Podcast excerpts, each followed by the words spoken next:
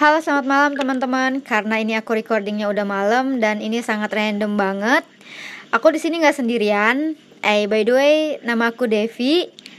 Um, Aku lagi di Tangerang Dan aku bakal berbincang-bincang sama teman aku Yang lagi di Nunukan. Uh, Oke okay, kita pertama kenal itu waktu kuliah di Jogja. Waktu tahun 2013 tepatnya aduh jadi ketahuan nih angkatannya udah lama ya. Oke langsung aja ya. Kita sambut ini dia teman aku. Weh. mana nih aplausnya?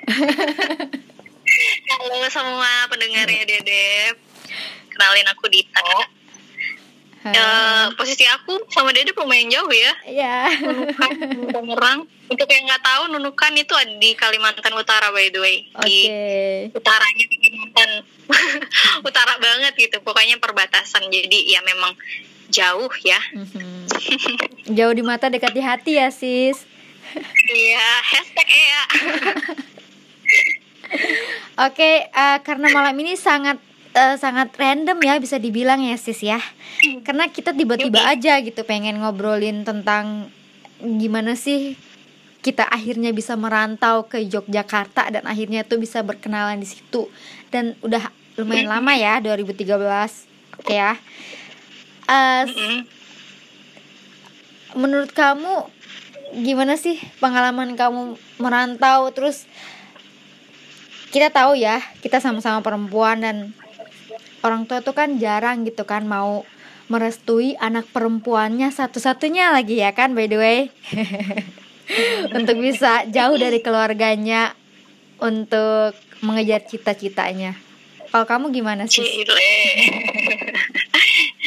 um, kalau aku sih mungkin karena dari latar belakang keluarga juga yang memang sangat support dengan pendidikan gitu. Jadi kalau misalnya uh, anaknya harus pergi jauh untuk menimba ilmu, sih ya nggak apa-apa di dilepas aja gitu. Tapi um, karena memang saya anak cewek ya dan dan meskipun keluarga saya suportif tapi juga protektif mereka itu pasti ya Jadi pasti. saya juga merantaunya Uh, jadi saya juga merantaunya tuh di kota yang mana uh, orang tua saya merasa itu adalah kota yang yang cukup aman buat saya dan dan mereka uh, tetap bisa mengawasi saya karena di sana ada keluarga juga gitu. Hmm. Makanya uh, apa ya?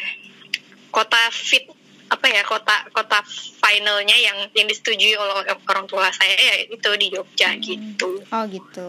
Tapi oh, by the way, uh, by the way kamu punya ini nggak apa ya orang tua punya cadangan lain nggak selain kota Jogja gitu? Hmm, ada sih, ada. Um, cuman ya memang prioritas utamanya ke Jogja sih. Maksudnya ridonya lebih besar di sana juga. jadi ya udah jadinya ke sana. Gitu ya. Dan keterimanya ya oh. di sana gitu ya. Iya, alhamdulillah. alhamdulillah ya, alhamdulillahnya di sana gitu oke cukup menarik sis akhirnya dapat tapi restu, tapi ya. menurut aku tapi menurut aku uh, versi Dedep juga lebih menarik nih soalnya um, Dedep juga seorang perantau dari dari daerah yang cukup jauh gitu. Aduh. bisa bisa diceritain gak Dep gimana Dep kamu awalnya dari mana asalnya okay. gitu. Jadi kakek nenek aku tuh dulu merantau ke Papua dan sekarang orang tua aku itu di Papua Barat. Orang tua aku juga dulunya lahirnya di Papua Barat. Terus sampai saat ini mereka masih tinggal di Papua Barat, te tepatnya di Fakfak.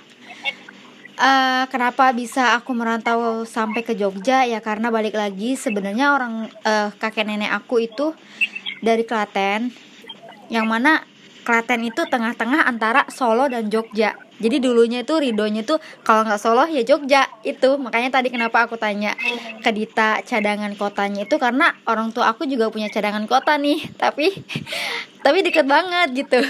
Solo dan Jogja gitu. Tapi ya alhamdulillah uh, keterimanya dan rezekinya di Jogja gitu.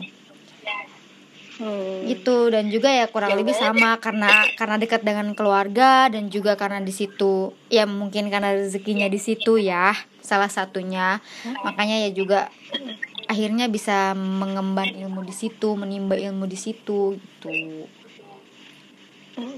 Berarti dari sebenarnya em, background kita berdua eh, kalau soal pertimbangan orang tua sebenarnya mirip-mirip juga ya karena karena di kota tempat kita di di apa ya di di kota tempat perantauan kita itu Aha. apa ya kita nggak sendiri orang tua gitu masih bisa iya kita nggak sendirian banget gitu Mm-mm. tapi ya tetap aja sih dalam Mm. menjalaninya ya kita harus tetap mandiri Iya, gitu. karena by the way kamu kalau Iya, iya. kamu di Jogja juga kan ngekos ya, sama kayak aku walaupun kita punya keluarga kan. Mm-mm. Iya. Mm-mm. Oke, itu kamu terakhir meninggalkan Jogja ya, Cila, meninggalkan. Maksudnya kamu tuh udah berapa lama sih di Jogja, Dit? Hmm, Sebelum akhirnya Dari kamu 2013. kamu balik ke rumah kamu lagi gitu. Iya. Dari 2013 sih, berarti itu udah berapa tahun tuh? 12. Sekitar 7 tahun kali ya? Tujuh tahun. Wow. keta- Ketahuan, ketahuan ya ini aku nggak bisa ngitung. Sekarang Itu 2021. Bener ya, dia bisa dari 2013 sampai 2000 berapa ya? Sebelum pandemi 2020 sih. Kamu 2020 balik ke 2013. Nunukan ya? Hmm, Ah, ah, ah. berarti Oh, tujuh tahun ya? Iya kurang lebih sih. Mm-mm. Dedep, Dedep gimana? Kalau aku sih sekarang masih merantau ya, Dit. Tapi akhirnya meninggalkan Jogja setelah berapa tahun? Setelah sama sih 2019 sih kalau aku kayaknya ya. Iya, 2019 iya, akhir. iya 2019 akhir akhirnya aku memutuskan untuk eh, oh ada lowongan nih di Jabodetabek kan istilahnya, tapi dapatnya ya di Tangerang gitu. Ya udah akhirnya aku stay di Tangerang kurang lebih udah hampir 2 tahun. Tetap masih merantau sih dan sekarang bener-bener ada keluarga cuman eh bukan di Tangerangnya gitu tapi masih di Jabodetabek cuman bukan di Tangerangnya jadi sekarang agak agak sedikit beda ya. Sudah ini ya lebih ya harus lebih mandiri lagi sih Iya. dan memang memang harusnya sudah sudah bisa ya karena sudah diproses sedemikian Hmm, lama gitu Mm-mm. waktu di Jogja itu juga gitu dan aku percaya kamu pasti ada em, ini ya pasti ada proses eh bukan proses sih hasil dari proses yang kamu dapat dari dari waktu sekian tahun itu. Tapi pasti. sebelum ke situ boleh diceritain dulu nggak eh, waktu awal banget kamu merantau Mm-mm. itu gimana? Perasaan kamu gimana pada saat itu? Jujur waktu pertama kali aku merantau itu perasaan aku entah kenapa itu senang banget. Karena karena aku di rumah itu em, kalau bisa dibilang jarang untuk bisa keluar rumah ya karena kedua orang tua aku tuh sangat protektif. Secara karena anak perempuannya cuma satu ya kan? Jadi sangat protektif dan juga sangat menjaga pergaulanku untuk tidak keluar dari zona-zona yang sudah ditentukan ya. Terus jadi aku merasa kayak kayak bebas aja gitu tapi bebasnya itu ada tanggung jawab. Jadi aku tidak boleh lepas dari tanggung jawab itu gitu. Kalau kamu gimana dit? Kalau aku em, exciting, excited juga maksudnya sangat ya pokoknya nggak sabar gitu loh. Ingin ingin memulai hidup baru dan memang Mhm. dan memang kenyataannya memang menyenangkan sih dengan hidup Bener, dengan bener. hidup apa ya? Karena kita kayak kayak, kayak baru baru banget belajar belajar hidup gitu loh ketika Ah, kita ah. udah merantau itu Ah. cuman eh, rasa eh, fear-nya itu juga pasti ada sih kayak karena kan selama ini kan aku di rumah anak-anak rumahan gitu terus aku harus tinggal di kota yang benar-benar asing yang aku Mm. meskipun ada keluarga tapi kan aku kayaknya nggak per- emang nggak pernah nggak pernah main ke Jogja gitu loh kayak Mhm. bener-bener nggak tahu Jogja itu seperti apa Mhm. orang-orangnya gimana gitu kan Hmm, benar benar benar jadi jadi fear itu sebenarnya ada tapi ya excited gitu Hmm. gitu sih By the way, oke, aku juga waktu itu baru pertama kali sih Dit ke Jogja dan kamu ngerasain nggak culture shocknya itu seperti apa? Um, aku mengalami culture shock tapi bukan shocking yang yang tidak menyenangkan gitu ya. Mhm. Tapi iya karena karena budayanya beda, cuman ya tetap menyenangkan gitu karena eh, yang paling berasa itu em, dari ini sih dari tutur bahasa orang-orang sih. Mhm, Kalau di Kalimantan benar. itu orang-orangnya eh, cara apa ya cara mereka Excited ya, menyampaikan ya. sesuatu Nah, cara cara mereka berkomunikasi itu biasanya straightforward gitu loh dan Ah. dan dan nadanya tuh mungkin terdengar em, apa ya agak tinggi gitu. Ah, jadi ah, jadi begitu sampai di Jogja orang-orang yang ngomongnya kayak slow gitu itu terdengarnya sangat halus di telingaku. Padahal mungkin kalau di sana itu ya kayak biasa aja gitu. Hmm. Em, tapi ya itu juga bikin aku culture shock ketika aku sudah be- begitu lama di Jogja terus kembali lagi ke Kalimantan itu juga culture shock lagi. Jadi jadi kayak Oke. kadang-kadang tuh agak baper gitu loh kalau misalnya lagi ada di di apa ya di fasilitas pelayanan Ah, umum tuh terus ah. petugas itu ngomongnya kayak aku ngerasain jadi kayak agak kasar gitu. Karena sudah sudah sudah terbiasa dengan orang-orang Jogja yang begitu begitu halus dan Benar-benar. lembutnya ketika berbicara. Jadi harus beradaptasi kembali ya, beradaptasi kembali di rumah kembali gitu, di di rumah sendiri gitu istilahnya. iya. Iya benar. Kamu juga mengalami itu nggak Iya sih. Apalagi terlebih aku mungkin belum belum pulang kayak kamu ya yang mungkin sekarang istilahnya kamu masih menetap gitu. Kamu sedang menetap di rumah kamu gitu kan. Kalau aku kan belum kembali. Nah, tapi ada perbedaan nggak kan kamu juga eh, peran kamu juga masih kamu masih merantau tapi kan Mm-mm. kamu merantaunya di kota yang lain nah Mm-mm. itu gimana kamu banget, beda banget. Karena seperti yang udah dijelasin sama Dita, Jogja itu benar-benar halus banget.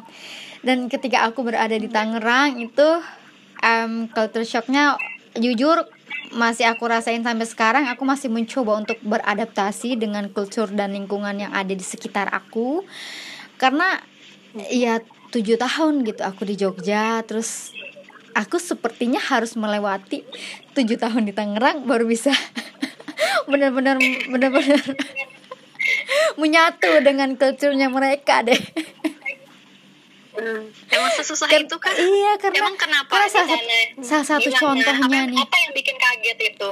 Salah satu contohnya nih ya Dit Eh, di Jogja itu kan gak ada angkot ya nggak tahu ya kalau sekarang ya. Kalau waktu 2013 sampai aku akhirnya meninggalkan Jogja 2019 itu gak ada angkot yang ada kan bis tuh ya kan? Nah kalau di Tangerang itu ada angkot dan kalau lampu merah masih kuning itu udah diklaksonin untuk untuk jalan gitu. Padahal tuh belum lampu hijau gitu. Kayak yang hah? Nah, belum lampu hijau men. Kenapa klakson sabar dong.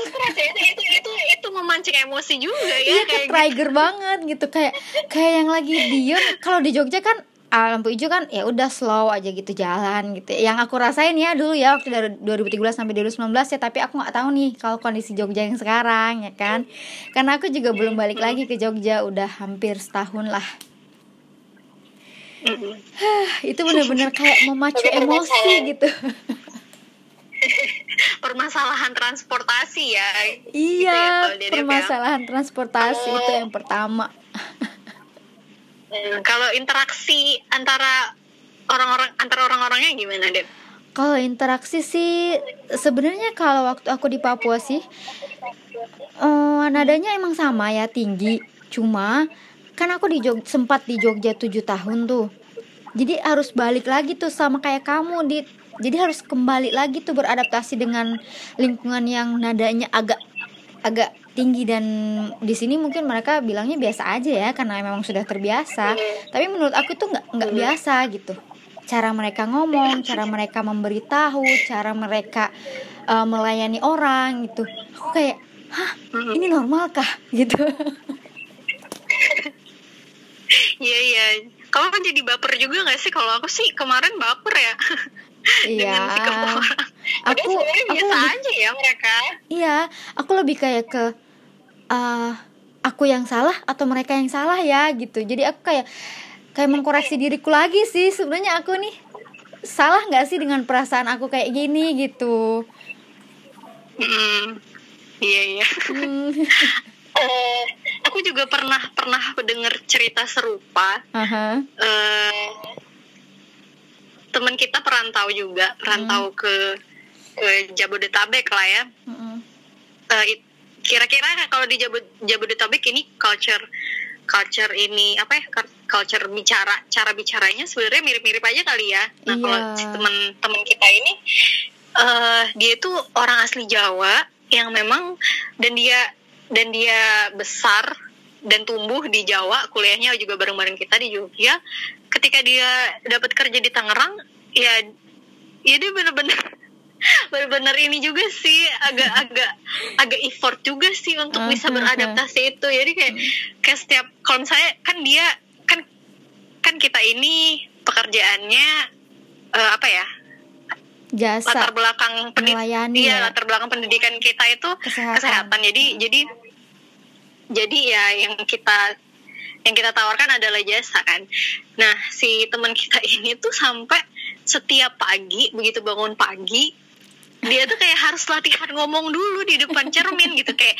gimana caranya untuk bertanya kepada orang gimana caranya untuk menjawab pertanyaan orang dengan dengan iya dengan, dengan cara bicaranya orang Jakarta bukan sekedar logat ya tapi Iya. juga eh, susur susunan kalimatnya itu loh Dia- iya, iya. karena karena susunan kalau orang Jogja tuh eh, yang yang yang kita rasa ya Mhm. mereka memilih-milih bahasa yang sangat apa ya yang sangat halus gitu Mhm. dan dan sebisa mungkin tidak menyinggung tapi kadang-kadang eh, minusnya itu kadang-kadang ambigu gitu nah kalau kalau di Jabodetabek itu eh kayaknya juga lebih straightforward gitu kan dan itu dan itu kalau buat dia bikin ini sih butuh-butuh effort banget sih Hmm. kalau buat dia. Iya. Seniat itu sampai kurang harus latihan sama sih setiap Dit. pagi. Hmm, benar benar benar kamu juga gitu? Iya aku juga gitu cuman aku nggak sampai kayak latihan bicara tuh enggak cuman kayak lebih ke tenang. Oke tenang tenang aja. Hmm. oke kamu bisa melalui ini semua. Ini tuh cuman sementara. Kan dulu kamu juga beradaptasi. Kamu pasti bisa. Bisa. Tapi itulah ya karena karena sebelumnya kamu punya pengalaman merantau ya Deb. Hmm. jadi itu sih. Itu seninya Dit. sisi itu seninya. dari merantau iya. Iya betul seni seninya. By the way belajar dari pengalaman uh, sebelumnya. Iya pasti. Pasti semua apa yang kita alami itu pasti ada hikmahnya sih. Aku masih sangat yakin itu. Walaupun kata orang itu sedikit tapi dari sedikit itu kamu pasti punya satu yang benar-benar kamu bisa bawa dan kamu bisa inget baiknya. Iya kan? Hmm, pasti ada value-nya lah ya. Iya benar. By the way uh, udah hampir 20 menit ya. Dit kita ngobrolin tentang perantauan ini. Asli. Gak berasa ya padahal kayak rasanya kayak obrolannya masih kayak shallow aja gitu. Iya kayak masih intro gitu ya. tapi banyak sebenarnya kayaknya banyak yang bisa dibahas sih tapi oke deh. Kayaknya sudah cukup sih kayaknya juga.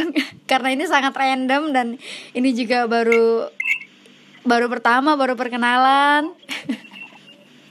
Dan tapi bener-bener bener-bener kayak yang emosional gitu loh dit kalau ngomongin tentang perantauan.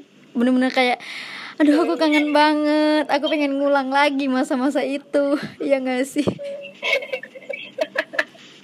Iya. By the way kalau dari kamu pribadi punya pesan dan kesan nggak untuk teman-teman yang akan merantau dan mungkin yang sedang merantau? Hmm. Kalau untuk yang akan merantau sih sebenarnya em, kembali ke mindset masing-masing ya. Eh, kalau jadi ya menurutku kalau kamu ingin merantau ya anggap aja itu sebagai eh, adventure aja gitu dalam Mhm, hidupmu. mhm, Jadi kamu juga menjalaninnya ya ya dengan senang hati gitu insya Allah ya. Hmm. Kalau yang udah merantau ya memang kata kuncinya adalah adaptasi sih di mana pun Iya. kamu berada kamu harus harus beradaptasi gitu dan dan itu bagi tiap orang memang beda-beda kan jadi Iya. ya good luck buat kalian yang sedang merantau tapi yakinlah dari dari perantauan kalian itu kalian pasti pasti apa ya pasti terproses dan tertempa gitu loh pasti ada Hmm. sesuatu yang berbeda dari diri kalian ketika kalian itu merantau dibandingkan dengan kita yang tetap di rumah aja gitu tetap tetap di kampung kita sendiri kalau Hmm. merantau tuh pasti pasti apa ya cara pandang kamu terhadap sesuatu tuh pasti ada sedikit lebih luas lah Iya benar benar. Itu Mm-mm. aku aku setuju juga sih. Di. aku setuju juga Mm-mm, gitu Dedep ada nggak pesan kesannya Eh kalau dari aku sih untuk teman-teman yang sedang merantau itu bagian part dari hidup kita sih. Jadi kita harus menyelesaikan setiap bagian-bagian itu. Entah itu menyelesaikannya bagaimana, aku juga nggak tahu. Tapi aku tahu aku jalani itu semua. Em, aku yakin dari apa yang aku jalani itu pasti ada sesuatu pelajaran yang bisa aku ambil dan yang akan membimbing aku ke tujuan aku. Dan untuk teman-teman sedih, marah, down, rasa stres itu tuh itu tuh oke, it's okay gitu. Karena kamu manusia gitu, kamu bukan Oh my god, kamu manusia biasa, kita manusia biasa dan kita bisa semua orang pernah merasakan itu dan bisa merasakan itu dan oke untuk merasakan itu. nggak apa-apa kalau kamu merasakan itu, tapi yang penting kamu jangan lupa akan agama kamu. Kamu jangan lupa kalau kamu juga punya teman, kamu jangan lupa kalau kamu juga punya keluarga yang bisa diajak untuk komunikasi, bisa diajak untuk sharing. Yes. Jangan pernah putus Yes, asa. kan. dan, dan itu juga emang bagian dari adaptasi ya memang Ya. memang itulah prosesnya gitu kan Hmm, iya. Pokoknya kamu kita semua harus bisa berproses. Sampai kapan kita nggak tahu. Sampai mungkin nanti Allah memanggil kita kembali gitu. Karena di dunia ini kita cuma sementara, sis. Iya nggak? yes iya iya sis Kita pokoknya cuma- seumur hidup lah proses Iya. itu memang seumur hidup Benar, benar. pokoknya setiap hari itu adalah hari-hari hari pertama buatmu Iya, nggak benar, sih? benar, benar, benar. Jangan jangan pernah berhenti. Boleh istirahat tapi jangan pernah berhenti. Istirahat dan jalannya pelan aja, nggak apa-apa. Yang penting kamu jangan pernah berhenti. Please jangan pernah menyerah. Oke, semangat untuk kita semua. Untuk perantauan yang ada di sana, semangat. Kita semuanya semangat. Pokoknya kita semua semangat. Oke. yes yes yes baik bu jangan yang sangat bijak ya ibu Oke, mungkin Kita udah- malam ini, ini ini ini malah malah malah nambah nambahin durasi deh jadi Iya nih. lama tapi soalnya emang seseru itu sih obrolan ini bagi kita ya Iya, iya. semoga juga bermanfaat bagi Mm. bagi pendengar kalau ada yang dengerin By the way, semoga obrolan kita malam ini bisa bermanfaat untuk teman-teman yang sedang mendengarkan dan bisa mengambil sisi positifnya. Jika memang ada yang negatifnya, kami mohon maaf. Dan s- kembali lagi aku mau mengingatkan teman-teman semua semangat ya. Kita akhiri dulu ya untuk bincang-bincang kita pada malam hari ini tentang bagaimana sih rasanya jadi seorang perantauan. Oke, Mbak Dita, kita closing aja ya. Mhm. Oke. silakan Terima kasih teman-teman.